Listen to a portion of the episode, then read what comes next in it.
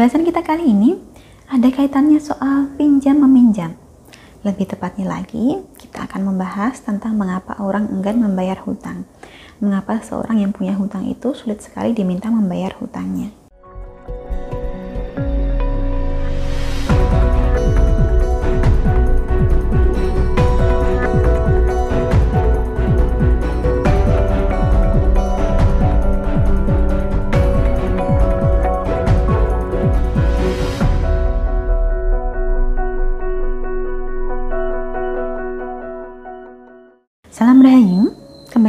Saya Dewi Sundari. Apa kabar Anda hari ini? Saya doakan semoga selalu sehat dan senantiasa diberikan kemudahan serta kelancaran di mana pun Anda berada.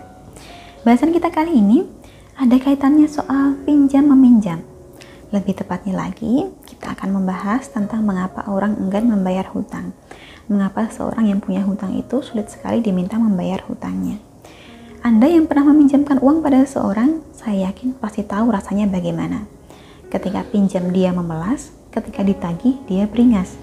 Kita menagih uang kita sendiri, hak kita sendiri, tetapi rasanya seperti mengemis. Nah, mengapa seperti itu?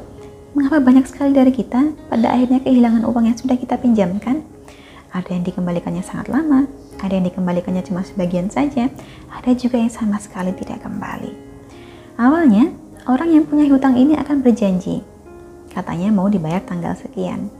Sudah berjanji, ia kemudian berkelit, ingkar dengan alasan macam-macam. Kemudian ketika ditagih, tidak jarang mereka menghilang. Ada beberapa alasan yang menjadikan orang enggan membayar hutang. Termasuk di antaranya adalah sejumlah hal berikut ini. Yang pertama, orang enggan membayar hutang karena sejak awal memang tidak ada niat. Jadi sejak awal, meskipun bilangnya pinjam, namun sebenarnya dia memang tidak ada niat untuk mengembalikan. Dan jika sudah tidak ada niat, ya mana mungkin akan terbayar hutang ini. Sebab hal utama yang memudahkan pembayaran hutang adalah niatnya dulu. Niat untuk membayar. Niat untuk memprioritaskan hutang tersebut di atas kebutuhannya yang lain. Yang kedua, orang enggan membayar hutang karena memang tidak memiliki cukup uang. Meskipun sebenarnya hal ini tidak bisa dijadikan alasan. Sebab jika dari awal tidak ada kemampuan untuk membayar, harusnya jangan pinjam malah lebih baik minta dan kita tinggal beri semampu kita. Jadi tidak perlu ada hutang. Jika sudah terlanjur menjadi sebuah hutang, mau tidak mau harus dibayar. Jika tidak memiliki cukup uang, ya kita harus menabung semampu kita, bukan malah menghilang tiba-tiba. Yang ketiga, orang enggan membayar hutang karena beban hutang ini lebih besar dari pendapatannya. Inilah mengapa penting bagi kita untuk tidak meminjam dana melebihi kemampuan bayar kita agar tidak mengalami kesulitan saat pengembalian. Meskipun sedang membutuhkan dana dalam jumlah besar, kita tetap harus mengukur kemampuan kita juga. Yang keempat, orang juga enggan membayar hutang karena ia merasa bahwa hutang itu bukan tanggung jawabnya. Orang ini tidak menganggap hutang sebagai sebuah tanggungan yang harus ia selesaikan.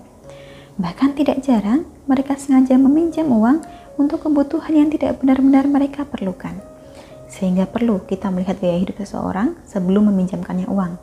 Jika ternyata uangnya ini dipakai untuk memenuhi keinginan bukan kebutuhan, maka bisa jadi orang ini akan membawa lari uang Anda tanpa beban. Yang kelima, orang jadi enggan membayar hutang karena pada dasarnya ia menggampangkan Anda. Dia menganggap Anda orang yang terlalu baik, terlalu pengertian, sehingga pasti tidak keberatan jika uang Anda tidak dikembalikan.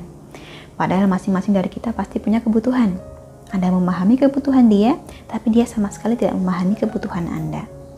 Kemudian yang terakhir atau yang keenam, orang enggan membayar hutang karena ia tidak pernah berusaha untuk mencicil, menabung, atau menyimpan uangnya. Sehingga hutangnya ini selalu terasa sangat besar, sebab ia tidak pernah ada inisiatif untuk menabung sedikit demi sedikit. Pelan-pelan, seadanya dulu Padahal jika disisihkan secara rutin, meskipun dalam jumlah yang kecil, lambat laun hutangnya pasti akan terbayar pelan-pelan. Kalau tidak pernah disisihkan sama sekali ya, mana mungkin terkumpul. Yang namanya mengembalikan pinjaman itu memang tidak mudah. Tetapi ini adalah sebuah kewajiban, karena kita telah ditolong. Setidaknya, kita harus menghargai pertolongan itu dengan mengembalikan tanggungan kita tepat waktu.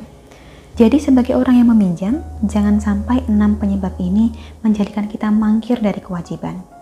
Sedangkan sebagai orang yang memberikan pinjaman, kita juga harus lebih berhati-hati. Lebih baik jangan pernah memberikan pinjaman kepada orang yang tidak benar-benar Anda percayai. kalaupun meminjamkan uang, hanya berikanlah sejumlah yang kira-kira bisa Anda ikhlaskan andai kata uang ini tidak kembali.